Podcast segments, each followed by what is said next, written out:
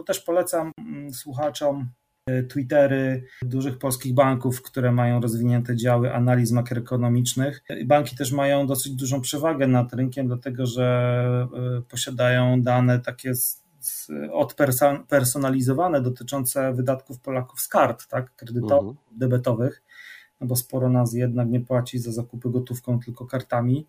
No i taka lepsza analiza tych danych, y, do, bardziej dogłębna, też potrafi, potrafi wskazać, w którym, w którym kierunku idzie gospodarka. Tak? Jak odnaleźć się w finansach? Jak sprawić, by pieniądze służyły realizacji naszych celów życiowych? Na te oraz inne pytania odpowiadają goście podcastu Po ludzku o pieniądzach, którego partnerem jest General Investments TFISA i który mam zaszczyt prowadzić. Nazywam się Radosław Budnicki, na co dzień prowadzę podcast Lepiej Teraz i nie jestem internetowym guru zarabiania. Rozmawiam tylko po ludzku o pieniądzach z ekspertami, którzy zrozumiałym językiem tłumaczą zawiłości finansów i to, jak sprawić, by pieniądze nam służyły, a nie nami rządziły. Serdecznie zapraszam. Witam Was serdecznie w kolejnym odcinku podcastu Po o pieniądzach. Dzisiaj moim gościem jest Piotr Minkina, ekspert z Generali Investments TFI, który wielokrotnie wystąpił już w naszym podcaście. Bardzo lubię rozmawiać z Piotrem, bo daje naprawdę, naprawdę dużo konkretnych informacji. Czasami warto słuchać tych odcinków z nim, z notatnikiem, ponieważ naprawdę, naprawdę warto wiedzieć, co ma do powiedzenia. Ostatnio wystąpił w 155 epizodzie, gdzie opowiadał o inflacji. Dzisiaj porozmawiamy o nieco innym zjawisku, zwanym stagflacją. Więc moi drodzy, serdecznie zapraszam do wysłuchania naszej rozmowy. Cześć Piotr. Dzień dobry. Witam Cię serdecznie w kolejnym odcinku podcastu Po ludzku o pieniądzach. Ostatnio spotkaliśmy się w 155 epizodzie, gdzie opowiadałeś słuchaczom o inflacji. I dzisiaj porozmawiamy o zjawisku nieco przeciwnym, poprawisz mnie później, ale na początek jakbyś mógł przedstawić się słuchaczom, którzy Cię jeszcze nie znają, czym się zajmujesz zawodowo na co dzień. E, dzień dobry, bardzo mi miło, że znów mamy okazję że ze sobą porozmawiać. E, na co dzień pracuję w Generali Investment w Towarzystwie Funduszy Inwestycyjnych i jestem dyrektorem do spraw analiz i strategii inwestycyjnych. No a zjawisko, o którym dzisiaj porozmawiali, nazywa się stagflacja. I hmm. jakbyś mógł na początek powiedzieć słuchaczom, co to takiego e, stagflacja? E, stagflacja jest to taki moment, taki okres w gospodarce, kiedy mamy do czynienia e, generalnie ze spowalniającą gospodarką i rosnącymi cenami. Czyli mówiąc tak trochę bardziej technicznie, momentami, kiedy w gospodarce spada PKB, mhm. albo spada dynamika PKB, bo tutaj taka mała dygresja, że e, rozróżnia się jakby trzy takie warianty stagflacji. No i równolegle, no i równolegle rosną ceny. Jest to zjawisko stosunkowo ciekawe i można powiedzieć, że nienaturalne, dlatego że nazwijmy to w normalnych czasach powinno być tak, że jak gospodarka rośnie, to znaczy, że ludzie mają więcej pieniędzy, firmy mają więcej pieniędzy, więcej konsumują, więcej inwestują. W związku z tym rośnie popyt na dobra i zasoby. Jak rośnie ten popyt, no to ceny też muszą rosnąć. Czyli to jest taka jakby naturalna konsekwencja tego, że mamy wzrost gospodarczy. A kiedy gospodarka zaczyna się kurczyć, no bo na przykład wykonała już pewien cykl, no to wówczas te, ta presja e, na te zasoby, na dobra e, jest lżejsza, a ludzie wydają mniej, w związku z tym ceny powinny spadać. Tak? I tak jakby naturalnym, taką naturalną konsekwencją spowolnienia gospodarczego jest spadek cen, a wzrostu gospodarczego wzrost cen. Mhm. Natomiast bywają takie okresy, kiedy ten wzrost cen jest powodowany E, takimi innymi czynnikami niż, e, niż naturalnie, to znaczy czynnikami tak zwanymi podażowymi, czyli brakuje czegoś w systemie gospodarczym i to powoduje, że przy stałym na przykład popycie albo przy, przy lekko mniejszym popycie, że ceny tego dobra rosną, no, a z kolei gwałtowne wzrosty niektórych komponentów gospodarczych, typu na przykład tak zwanych wsadowych, powiedzmy sobie, do systemu, na przykład surowców, takich jak ropa naftowa, takich jak inne surowce energetyczne typu na przykład właśnie jak, tak jak teraz gaz ziemny czy energia elektryczna, konsekwencji, czy, czy, też, czy też surowców przemysłowych, takich jak miedź, stal, nikiel itp. itd. No to powoduje, że jakby gospodarce jest ciężej, dlatego że koszty działalności rosną, no i to z kolei jest pewną przyczyną tego, że ta gospodarka zaczyna zwalniać, a pozostajemy przy tym zwolnieniu właśnie cały czas z tym problemem rosnących lub wysokich cen. Czyli stagflacja ma coś wspólnego z recesją? Jest powiązana w jakiś e, sposób? Tak i nie, dlatego że, że e, taki moment, kiedy E, kiedy ceny rosną, a gospodarka się kurczy, jest właśnie, e, można go nazwać też takim najgorszym rodzajem stagflacji, dlatego że e, no, mamy takie dwa bardzo negatywne zjawiska, które się, które się ze sobą na siebie nakładają. Takim najbardziej łagodnym z kolei przebiegiem stagflacji to jest taki okres, kiedy gospodarka cały czas się rozwija, ale w mniejszym tempie niż dotychczas, ale powyżej potencjału swojego i, i, ceny rosną. Tak? To jest taka, taka łagodna stagflacja. Natomiast zdecydowanie najgorszym scenariuszem jest właśnie ta, nazwijmy to stagflacja recesyjna, gdzie mamy spadek e, tego, co produkujemy w systemie gospodarczym, co wytwarzamy, czyli recesji gospodarczej i rosnących cen. E, czy możesz mi powiedzieć na temat tego, co się dzieje teraz w Chinach? Bo w Chinach tam jest kryzys y, budowlany, prawda, w tym sektorze budowlanym, poprzez kredyty. I, mówi się, że to ma związek też, to ma wpływ na spadające ceny ropy. Czy to ma jakiś związek? No, e, to dosyć ciekawe, ciekawe, ciekawe e, byłoby połączenie, natomiast może, może troszeczkę inaczej. E, kryzys, kryzys, pewien kryzys w Chinach ma, ma, wiele, ma wiele przyczyn. No, jedną z przyczyn jest to, że rynek nieruchomości można powiedzieć, że był bardzo mocno sztucznie napompowany różnego rodzaju mechanizmami, które w państwie środka funkcjonowały. Z takich ciekawszych mechanizmów to na przykład jest to, że e, deweloper, że można było brać kredyty hipoteczne na, e, na dziury w ziemi, że tak powiem, i, e, i spłacać deweloperom te kredyty, kupować jakby dziurę w ziemi na kredyt i spłacać deweloperom kredyty hipoteczne, pomimo tego, że nie było nawet jeszcze rozpoczętej budowy mieszkanie, co w naturalny sposób windowało ceny mieszkań, których de facto jeszcze nie było.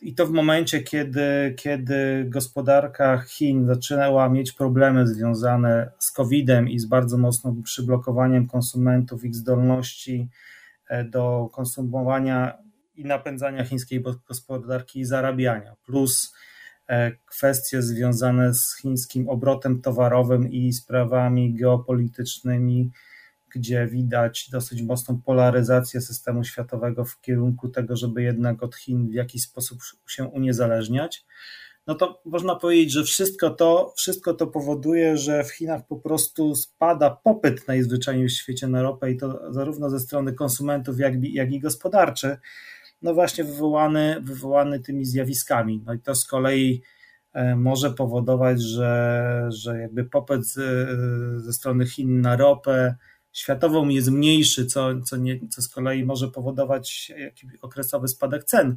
Natomiast też nie zapominajmy o tym, że, że napaść Rosji na Ukrainę spowodowała to, że e, zostało wprowadzone embargo na ropę rosyjską, a Chiny to, to embargo w jakiś sposób mijają w tym sensie, że oni po prostu kupują, zamiast kupować ropę z rynku, to kupują, kupują ropę z Rosji z dużym dyskontem, tak, więc jakby uh mhm. -huh te wszystkie czynniki powodują, że nie ma takiego popytu Chin na rynku globalnym, jak to było dotychczas, co powoduje, że nie ma faktycznie takiej, aż takiej mocnej presji na ceny ropy naftowej, jak, jak było, tak?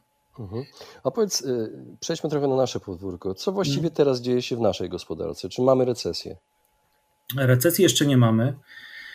E, mamy spowolnienie wzrostu gospodarczego, tempa wzrostu gospodarczego. W e, pierwszym kwartale ono wynosiło ponad 8%, teraz wynosi ponad 5%. E, I polska gospodarka nadal się rozwija dosyć dynamicznie, natomiast jeżeli się wgłębimy w te dane, no, na przykład na poziom oceny koniunktury czy to koniunktury konsumenckiej, czyli to w jaki sposób, jakie są nastroje konsumentów, czyli Polaków, którzy decydują na co wydają zarobione pieniądze i e, koniunktury wśród, e, wśród e, przedsiębiorców, no to widać, że ta koniunktura się pogarsza, co z kolei będzie powodowało zapewne, że dane dotyczące, takie mocno zagregowane dotyczące sprzedaży detalicznej, czy produkcji przemysłowej, czy inwestycji mogą kolejnych miesiącach się pogarszać, co będzie, co będzie niestety, e, co będzie niestety sprawiało, że te, to tempo wzrostu gospodarczego Polski e, będzie nadal spadać. Pytanie oczywiście jest e, takie, czy do jakiego poziomu ono spadnie. I obecnie raczej o recesji się nie mówi. Ten scenariusz recesyjny w Polsce. No tak, ale Piotrze, jak to tak? poznać? Po czym poznać to, że czy mamy recesję lub że nie mamy recesji? A, no, no to jest tak. Y, w sposób formalny poznajemy to po danych PKB, czyli danych publikowanych przez Główny Urząd Statystyczny, danych co kwartał. Y, jeżeli dynamika PKB będzie ujemna, mówi się o dwóch kwartałach z rzędu, to znaczy, że będziemy, będzie można mówić o recesji. Y, żeby z kolei przewidzieć to, w którym, jakie te dane będą, bo to są dane bardzo mocno opóźnione, tak? No na przykład y, jesteśmy teraz w trzecim kwartale, który kończy się na koniec września. Y, ja tam do, dokładnie nie, tak dokładnie nie pamiętam, ale powiedzmy sobie, że pewnie pod koniec października, w listopadzie będziemy mieć dane dotyczące PKB za trzeci kwartał dopiero, tak? Więc to, czy mamy recesję, czy nie, dopiero w formalnych danych będzie widoczne do, do, do, dużo później. Więc no ważne jest y, to, żeby starać się jakby antycypować to, w którą stronę te dane zmierzają. No i takimi właśnie najciekawszymi są te badania koniunktury, które są przeprowadzane przez GUS co miesiąc. No i dane dotyczące właśnie sprzedaży detalicznej, produkcji przemysłowej, y, produkcji budowlano-montażowej. Jeżeli będziemy widzieć, że z miesiąca na miesiąc te dane się pogarszają, no to znaczy, że że to, że jesteśmy w recesji, będzie bardzo, e, albo że, że dane dotyczące całej, całości gospodarki się będą, się będą pogarszać i wejdziemy w recesję, e, no to będziemy mogli e, przewidzieć, zobaczyć stosunkowo na bieżąco. To jest jeszcze z takich ciekawostek, ja na przykład staram się jakby swoje barometry też, też uruchamiać. No i, no i generalnie mamy oczywiście różnych znajomych, niektórzy prowadzą swoje biznesy, mniejsze lub większe. I ja bardzo często do nich dzwonię i na przykład się pytam: A słuchaj, e, stary, jak tam u ciebie e, w twoim punkcie? Czy widzisz, że na przykład ludzie kupują mniej, czy, czy ci spadają obroty? E, a jak tam z cenami? I on mówi: No tak, no widzę, nie widzę i tak dalej. Więc tutaj jakby też przygotowuję się pod to, jakie te dane faktycznie co miesięcznie publikowane przez GUS mogą być. Tak więc nie jest to sprawa oczywiście łatwa y, do przewidzenia, ale jest. jest. No też polecam mm, słuchaczom y, Twittery dużych polskich banków, które mają rozwinięte działy analiz makroekonomicznych. Banki też mają dosyć dużą przewagę nad rynkiem, dlatego że y, posiadają dane takie odpersonalizowane dotyczące wydatków Polaków z kart, tak, kredytowych, mhm. debetowych no bo sporo nas jednak nie płaci za zakupy gotówką, tylko kartami. No i taka lepsza analiza tych danych, y, do, bardziej dogłębna, też potrafi, potrafi wskazać, y, w którym, w którym kierunku idzie gospodarka. Tak? No tak, dane z pierwszej ręki. Dane, a, no, dokładnie, dane z pierwszej ręki. A y, w takiej sytuacji recesyjnej zwykle jakie działania podejmuje się w gospodarce, żeby wyjść z tego, z tego zagrożenia? No to, to bardzo dużo zależy od sytuacji, e, głównie sytuacji związanej właśnie z inflacją, bo gdyby, jeżeli byśmy byli w takim normalnym e, okresie, kiedy faktycznie w takim normalnym cyklu, kiedy po wzroście gospodarczym następuje cykliczny spadek aktywności gospodarczej i naturalną konsekwencją jest spadek cen wywołanych niższym popytem, no to te działania są stosunkowo proste, książkowe. Po prostu pierwsze co, no to banki centralne y, zazwyczaj obniżają stopy, łagodzą warunki finansowe po to, żeby y, w jakiś sposób zbudować tak zwaną poduszkę dla tego spadającego popytu i ten, ten, ten, ten cykliczny spadek aktywności gospodarczej złagodzić. W gospodarkach, które nie mają dużego zadłużenia, potrafi, potrafi część popytu, część popytu konsumpcyjnego, który znika i część popytu inwestycyjnego, który w, czasach, w takich czasach znika, zastąpić państwo poprzez e, różnego rodzaju inwestycje, tak i w ten sposób e, w ten sposób e, też jakby ratować, ratować taki tak zwany globalny popyt. E, oczywiście jest to kosztem, e, oczywiście w zależności, czy mamy tam nadwyżkę, czy, czy deficyt, ale jest to zazwyczaj w dzisiejszych czasach, kiedy jednak mamy e, deficyt i poziomy zadłużenia są wysokie, jest to kosztem zapożyczenia się na rynku i, i jakby finansowania bieżącej, konsum, bieżącej konsumpcji z przyszłej konsumpcji tak naprawdę, tak, więc więc no, jest to no to, tak jak powiedziałem, to w, takim, w takich warunkach y, tradycyjnych, natomiast y, obecnie, kiedy faktycznie jest tak, że te ceny y, są wysokie, w sensie ceny, w sensie inflacji, która jest wysoka i ona idzie w tandemie ze spadającym wzrostem gospodarczym, no to jest to dosyć trudne, trudne dla banku centralnego, który to powinien obniżać stopy, no ale właśnie ze względu na, tą, na ten wysoki, wysoki poziom inflacji za bardzo nie może tego robić. Ale z kolei stosuje inną metodę, mianowicie metodę tak zwanych ujemnych stóp procentowych. Tak? Bo jeżeli sobie popatrzymy, gdzie są stopy procentowe obecnie, gdzie mamy inflację, no to jeżeli, jeżeli stopy procentowej 6,5 odejmiemy inflację 15 z kawałkiem, no to nam wyjdzie, że tak zwane realne stopy mamy głęboko ujemne, tak? Więc yy, można powiedzieć, że, że cały czas, że cały czas y, jeszcze jest dosyć y, że tak powiem, duże miejsce do tego, żeby, żeby pomimo tego, pomimo rosnącej inflacji, banki centralne mogły reagować na tą, na tą sytuację e, w gospodarce, która, która, która teraz jest. E, jeszcze z takich refleksji, no to sytuacja, kiedy wzrost gospodarczy jest słabszy, a inflację mamy wysoką, no to to powoduje, że wpływy do, do budżetu e, rosną właśnie ze względu na, na inflację. Tak, oczywiście realny wzrost gospodarczy słabnie, no ale ale powiedzmy sobie, jest to jakiś tam czynnik troszeczkę sta stabilizujący budżet państwa. Fiskalnie. W krótkiej perspektywie, no bo w długiej niestety pojawiają się ryzyka pod tytułem, czy przy tak, y, takim wysokim poziomie zadłużenia i, yy, i nazwijmy to miejscami rozwiązłości budżetowej, będzie dany kraj stać na to, żeby po takim koszcie pieniądza się w przyszłości zapożyczać na rynku, żeby sobie ten wzrost finansować. Tak? I, mhm. nie, nie, nie, musi to być, nie musi to być oczywiste, w związku z tym są to pewne zagrożenia dla kursu walutowego, są to pewne zagrożenia dla obligacji, no bo jeżeli rynek przestanie wierzyć w łatwość finansowania, no to wówczas będzie żądał wyższych cen za pożyczone pieniądze, czyli wyższych rentowności obligacji. No ale co, jak to wszystko wpływa na finanse osobiste każdego z nas, ta taka sytuacja właśnie spowolnienia? No, to, no to tak, z punktu widzenia, z punktu widzenia naszego budżetu, no to wyraźnie widać, że koszty życia po prostu rosną. E, i e, no nie za bardzo można sobie te koszty życia w jakiś sposób, z, e, że tak powiem, te rosnące koszty zrekompensować, tak? Więc tutaj za bardzo ucieczki nie mamy.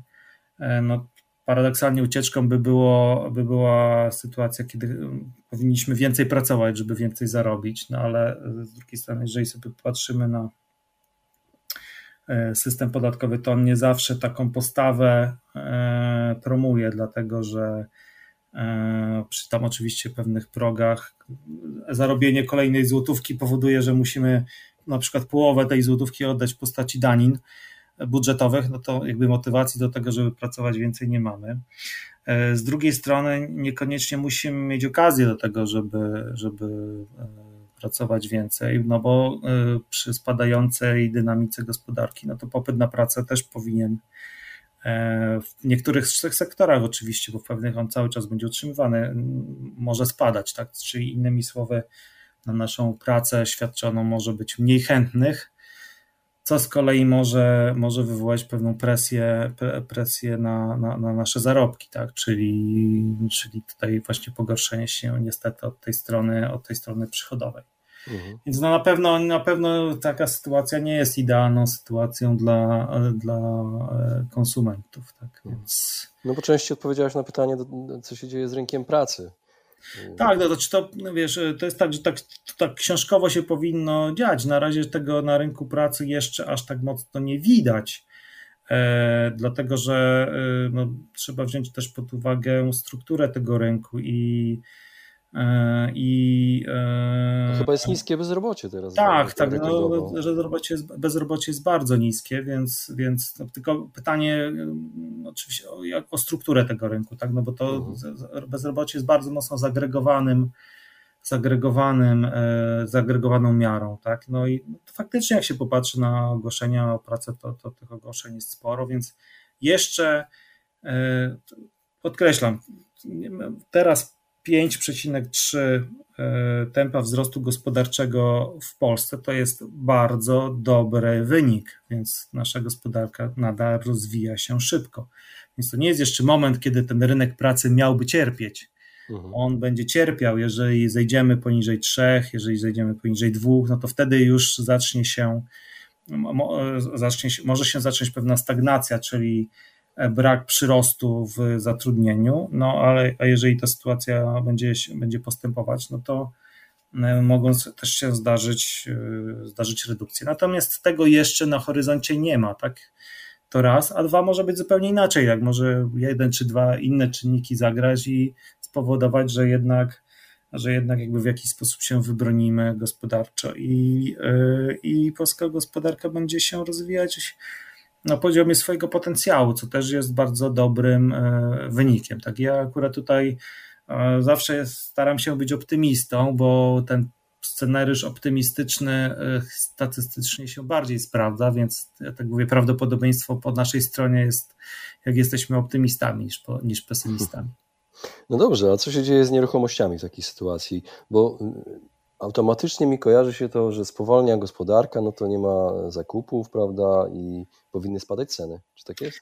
No tak, tak, tak, tak, działa, tak powinien działać automat. Natomiast jeżeli popatrzymy sobie na to, e, co się dzieje z popytem na, na nieruchomości, no to faktycznie on może być e, trochę słabszy ze względu na to, że koszt finansowania i zdolność kredytu, znaczy koszt finansowania nam rośnie, czyli, czyli e, jeżeli kupujemy nieruchomości na kredyt, a sporo popytu jednak było na kredyt, no to raty poszły w górę, w związku z tym popyt powinien być mniejszy i ludzie przy okazji mają mniejszą zdolność kredytową, czyli ten popyt na, na mieszkania ze, od strony, od strony yy, kredytobiorców spada i to też widać w bankach po ilości, po dynamice wzrostu, po dynamice ilości wniosków hipotecznych, które do banków są składane. No ale z drugiej strony jakiś ten popyt, zawsze jakiś tam popyt jest, sporo osób e, właśnie też w obawie e, przed inflacją, przed głównie realnymi ujemnymi stopami, tak, no bo to, że mamy, tak jak wcześniej powiedziałem, procentowanie depozytów na przykład na 6 w bankach, a inflację 15, to cały czas powoduje, że realnie na tym naszym kapitale tracimy. Więc ten kapitał lubi, lubi uciec gdzie indziej i tak, taką ucieczką właśnie może być rynek nieruchomości i część tego popytu nadal jest, tak? I ludzie, którzy mają kapitał, po prostu, yy, po prostu z tego korzystają i te nieruchomości kupują. Więc to jakby powoduje, że ceny nieruchomości nie spadają. No ale też y, dodatkowo nie możemy zapominać o, o, tej, o tej podaży mieszkań ze strony deweloperów, która jest bardzo istotna i o kosztach budowy, tak, no bo jeżeli e, ceny pracy nam rosną, ceny energii nam rosną, ceny materiałów nam wzrosły, no bo tam y, są jakieś oznaki stabilizacji, no to cena wybudowania metra mieszkania też nam wzrosła e, i żaden deweloper e, nie będzie sprzedawał pewnie nowych mieszkań poniżej kosztów. Tak więc w związku z tym to są takie czynniki kosztowe, które nawet przy mniejszym popycie, ale przy założeniu, że już pewne budowy zostały rozpoczęte, trzeba je dokończyć i tak dalej, i tak dalej, mogą utrzymywać w takim krótszym terminie ceny nieruchomości na poziomach wysokich. Natomiast w takim scenariuszu negatywnym, że faktycznie mielibyśmy mocną recesję, no to wtedy na, z dosyć dużym prawdopodobieństwem różne, również ceny nieruchomości powinny być tym dotknięte. Tak. Mhm. A powiedz, czy w czasach stagflacji, recesji opłaca się inwestować w własny biznes?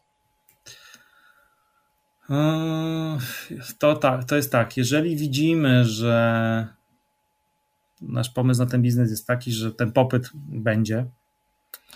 E, i jeżeli mamy kapitał, e, z którego zwrot pozwoli nam, e, jest wyższy niż stopa wolna od ryzyka plus jakaś tam premia za, za ryzyko, czyli możliwość utraty tego kapitału w związku z tym, że go inwestujemy w swoją działalność,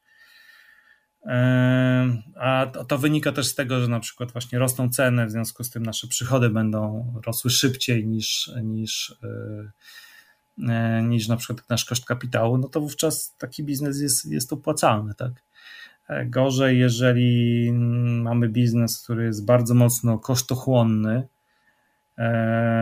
i nadchodzące ceny wzrostu, cen, wzrosty cen energii, e, te koszty będą zwiększać, a nie za bardzo możemy sobie to odbić w przychodach, no, no to wówczas taki, taki biznes nie, nie będzie perspektywiczny na czasy e, zmniejszonego popytu i, no, i rosnących cen łamane przez kosztów. Mhm. A powiedz mi, czy znasz jakieś takie branże odporne na takie właśnie sytuacje gospodarcze? O, tutaj, tutaj niestety, e, niestety nie ma e, takich branż e, w 100% odpornych.